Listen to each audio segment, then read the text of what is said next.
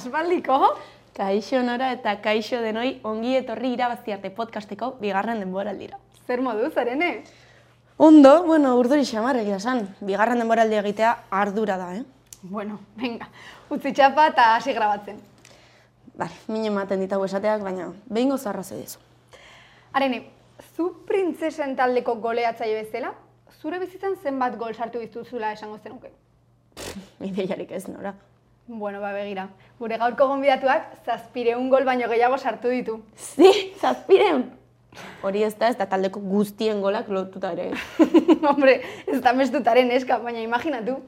Gaur, Alma Menendez daukago gurekin, superamara bera-bera eskubaloi taldeko kapitaina. Kaixo, Alba, zer moduz? Kaixo, ondo, hemen gustura plazor baita mainotea eta eskerrik asko ona ekartzagatik. Eskerrik asko. Hori. Alba zarauztarra da, hogeita maika urte ditu, eta mala urte daramatza bera-beran, ezta? Urte asko, e, batzutan enaiz konstiente ere zenbat urte pasadian, eta askotan galdetzen datenean zenbagarren demoraldia da ez dakit ez da erantzuten, orduan. E, gustora, askar pasadia mala urte hauek, baina, baina bueno, e, etxeko taldean, etxean, ba, gustora. Eta mala urte horietan, azkenean jendea joan eta etorri egiten da, ez? Nola da ikustea jendea juten dela eta zu beti kluberean egotea? Ba, bai, azkenean imaginatu, amala hau demoraldi, amala hau talde desberdin, azkenean urtero jokalari berriak gatozte, jokalariak badi joazte, orduan, e, bueno, jende asko ezagutzeko baita ere aukera ona da talde olako talde batean egotea, eta hainbeste urtez jarraian egotea. Ja, jo, eh? Gainera talde txapelduna dukazu, ez? Horrek eskatzen du disiplina bat, entrenamendu gogorrak suposatzen dut. Pena merezi du horrek, ez? Ze superkopa irabazi ez zue, zortzigarren aldiz, ez? Lehenengoak zarete ligan aurten, eta bueno, aurten ez tezu Europa talde faseaen iritsi, baina hori ezin dezuelako da irabazi ez. bai, bueno, gure helburua beti da dena irabaztea, baina bueno, oso zaila da eta gehien bat hainbeste urtez e, dena irabazi nahi horrek, ba, ba, bueno, ez da posible beti, beti. Baina, bueno, aurten zuek esan bezala Superkopa irabazi dugu, gure urrengo erronka liga da, eta bidean gaude. Jo, eh? Ba, animo. Bai, bai. Ondo hartzen dezu galtzea? Edo nola dara hori? Bueno, saia da, eta, eta egia zen azkenean irabaztera gaizki ohituta gaudenean, e, ba, bueno, saia egiten da, baina azkenean kirola, kirolean irabazi eta galtzeko aukera dago, eta batzutan ere galtzen dugu, orduan, ba, bueno, e, goitu behar gara baita ere galtzera, naiz eta ez, ez gustora hartu. Eta zu txikitatik hasi zinean ez, baina zein izan zen zuretzako inflexio puntua? Erabaki zenuenean, jobiaz aparte, izango zela zure lana? Ba, ba, bueno, ni txikitan beti eh, eskola kirolan, kirol guztiak egiten ditun, eta amala urte, amala urte izan ditunean, aukeratu behar kirol bat. Eta zen izan zen bidea, ba, kuadreiako bi neskek, eskubaloera jola zuten, da, no, bueno, ba, futbolean ez duten hor zautzen, eskubalera joa. Urteak pasa, eta hemen sortze urterekin, bera beraren deia jaso nuen, Eta, bueno, osan, ba, ba, guazen hau probatzera, guazen pausa hau ematera, eta gaur arte. Jo, ez, pasa, eh? Bai, gu futbolariak ea, eta azkenan hori zerbait normalago edo ohikoagoa da, ez? Azkenan ikustezu plazetan, ikastoletan, telebistan, mm baina eskubaloia ez da inbeste ikusten, ez? Egia da, zarautzen eskubaloiak e, tiroi asko duela, orduan, ba, bueno, etzan ere oso zaila izan. Mm herri, herrian oso kirol fuertea da, eta, eta bueno, e, nik esan guneke bere garaian ba, futbolak baino tiro gehiago zuela, orduan, ba, mm ba, bueno, zarautzen kirol garrantzitsuenetarako bat zen. Eta, bueno, nik nire kasuan askotan esaten dut, nik suerta izan detela e, txeondoko klub bat izatea, profesionala, e, tituloak irabazten dituena, goi mailan dagoela, ni afortunatua naiz, e, hau etxe, etxetik gertu izatea. Jo, eh, ze ondo egia esan.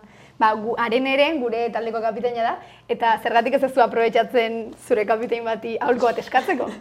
Ba, bueno, a ver, ez zen profesionalki, baina, bueno. Em, ba, ez dakit, zuk ze uste zu behar dela e, kapitainon bat izateko?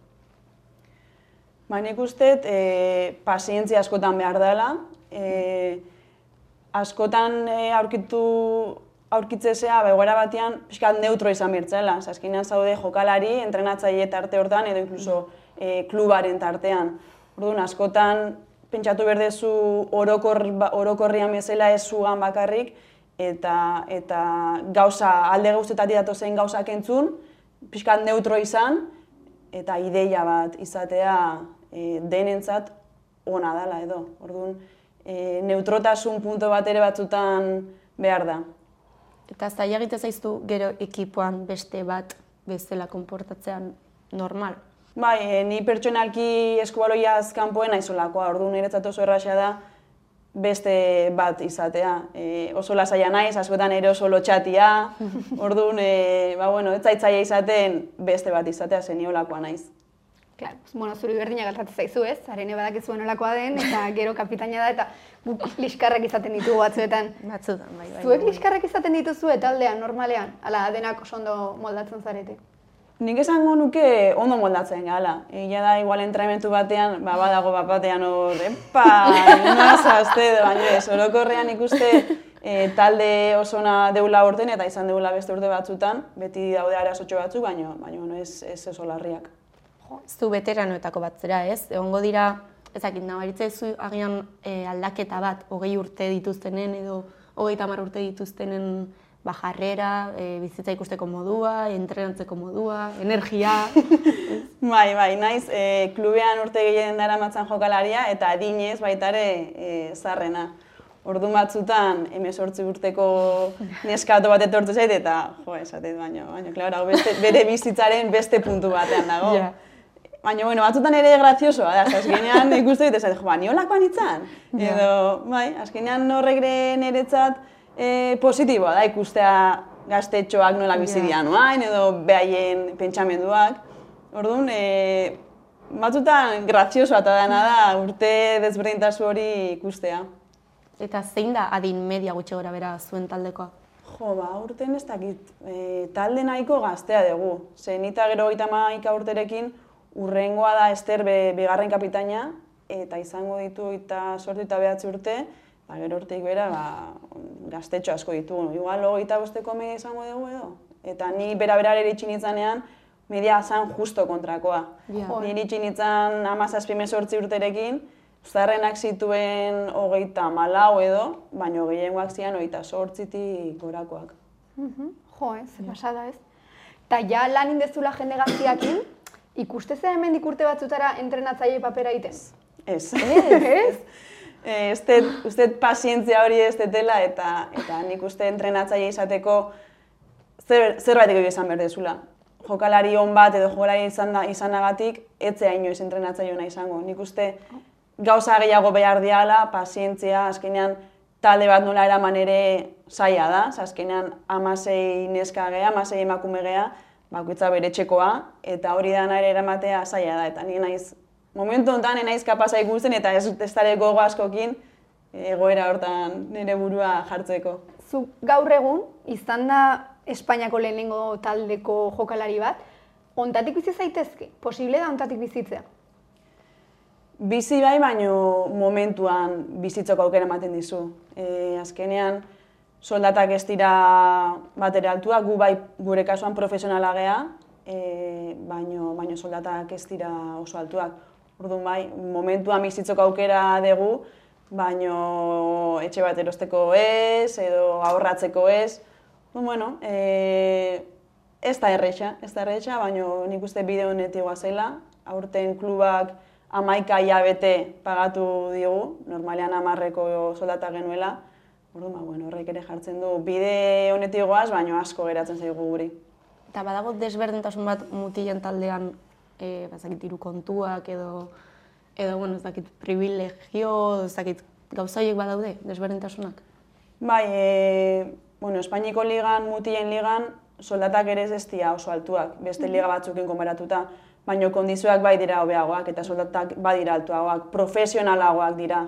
e, desberdintasuna badago, baina igual ez adibidez futbolean bezala neska eta mutein artean, baina bai, eskualoian ere desberdintasuna daude.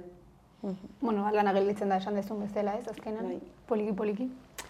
Bueno, eta orain musika pixka bat jarriko dugu arene.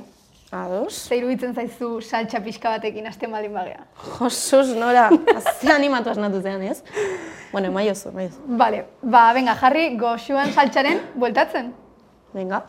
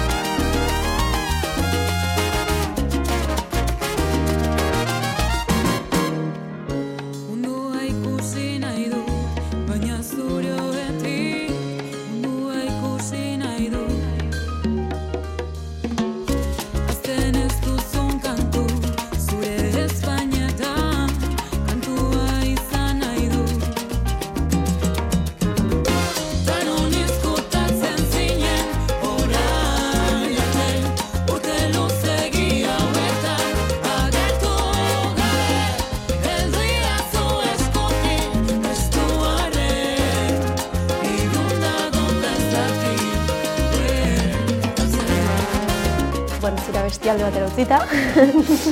e, aurten, etzen nuen denboraldia oso ondo hasi ez. Esan digutenez, sudur trenkada apurtu zenuen. Bai. Eta gainera denboraldiaren hasiera galdu zenuten. Nolako izan da hori? Bai, ba, bueno, nik sorte ere izan dut lesioak, e, ez ditut lesio larririk euki azken urte hauetan, eta, bueno, ba, zuderreko izan zen pixka sorte txarra, azkenean kolpe bat izan zen, eta enuela uste sudurra puskatuta nuela, baina baspada ere probak itera junitzen, eta, bueno, sorpresa, ba, sudurra utxita. Lau azte eta epizatetik kanpo, eta denboraldiko aurreneko partio galdu nituen, eta, eta bueno, e, taldean ez ginen oso ondo hasi, ze, bueno, aurreneko partidua etxean, ba, galdu genuen, baina, bueno, e, hortik aurrea dena oso ondo junda, ordu, bueno, aurreneko partidua gaxo, baina, baingo oso oso ondo gaz. Ze ondo. Eta jokalari profesionalizateak gauza hon asko ditu, ez? Baina, imaginatzen dut, bizitza oso sakrifikatu eukiko dizuela, e, batzuetan hori bidaiatu behar izana, edo, ezakit, familia eta faltan botatzea, ze botatzen duzu faltan? Ezakit, e, aste buru bat libre, deskansoa, txokolatea jatea. Nolotziko duzu txokolatea jateari, nahiz eta kirolari profesionala izan daren. Esan du entrenamendu gorra dituztela, ezakit. Zuk txokolatea bueno, Txokolateak energia ematen duela esaten dute, orduan ah, txokolatea pixka bat ere jate. Entzun duzu, ez?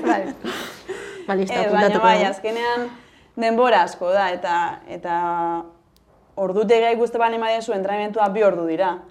Baina entrenamentura joan, entrenamentutik atera, yeah. fisioa, masajea, e, eta azkenean hogeita lau ordu zaindu behar gara.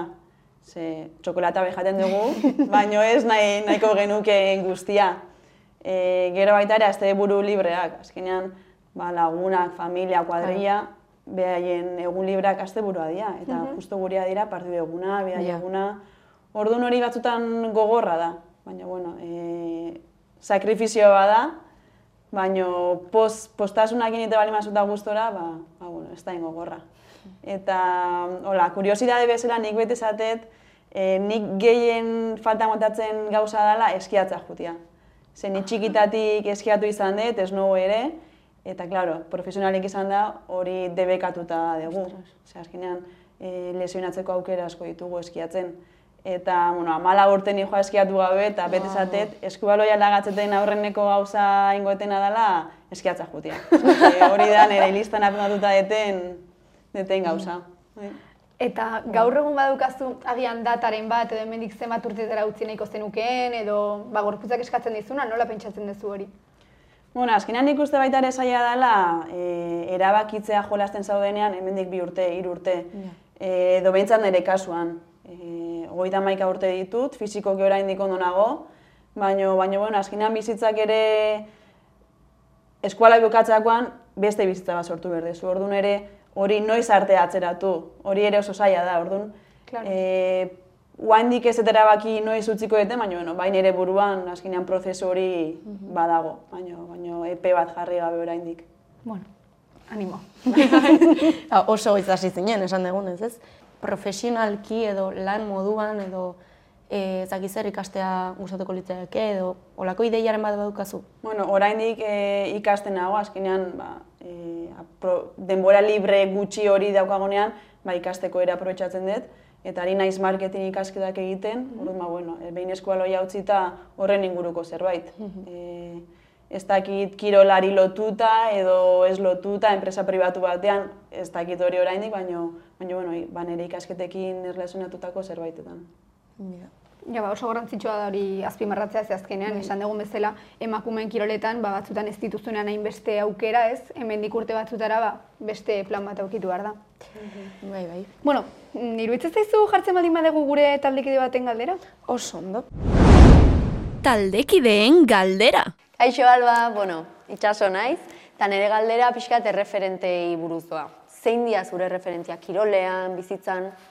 Jo, ba, galdera basotan izan jate, eta e, kirolari bezala, ba, nire garaian ez geneukan e, erreferente edo ez zian beste emakume eskubaloi jokalari bezala ikusten orduan, nik ez etin horri izan erreferente bezala ba, txikian itzanean. Gero bai, bera berara iristerakoan eta jokalari onak ikusterakoan edo taldekide e, veteranoak ikusterakoan, ba orduan igual bai hartzen dituzu referente bezala hoiek, baino baino ja behin e, eskubaloi munduan sartuta zaudenean. Baina niri horrek askotan pena asko ematen dit, ze bai, futbolariak beti ikuste zian telebistan, baina jokalariak, eskubaloiko jokalariak, bai mutilo edo baineska, ez zian ikusten edo oso gutxi ikusten zian.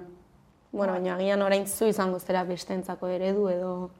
Ez? Bueno, bai, e, askotan ere ez gara konstiente gu ere bide hori tengoa zela, eta, eta bai, e, izan gaitezke referente gaur eguneko baneskatentzat. Claro, guztiz. Bueno, eta gure azken galdera egin aurretik, jarriko dugu beste bestiren bat? Orain ere txanda da. Hau zetak taldearen itzulera.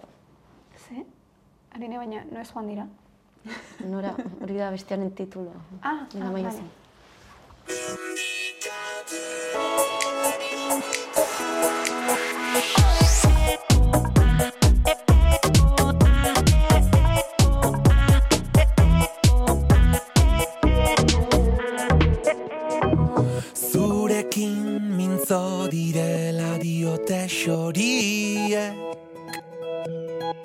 Esan zer kanta egin dizuten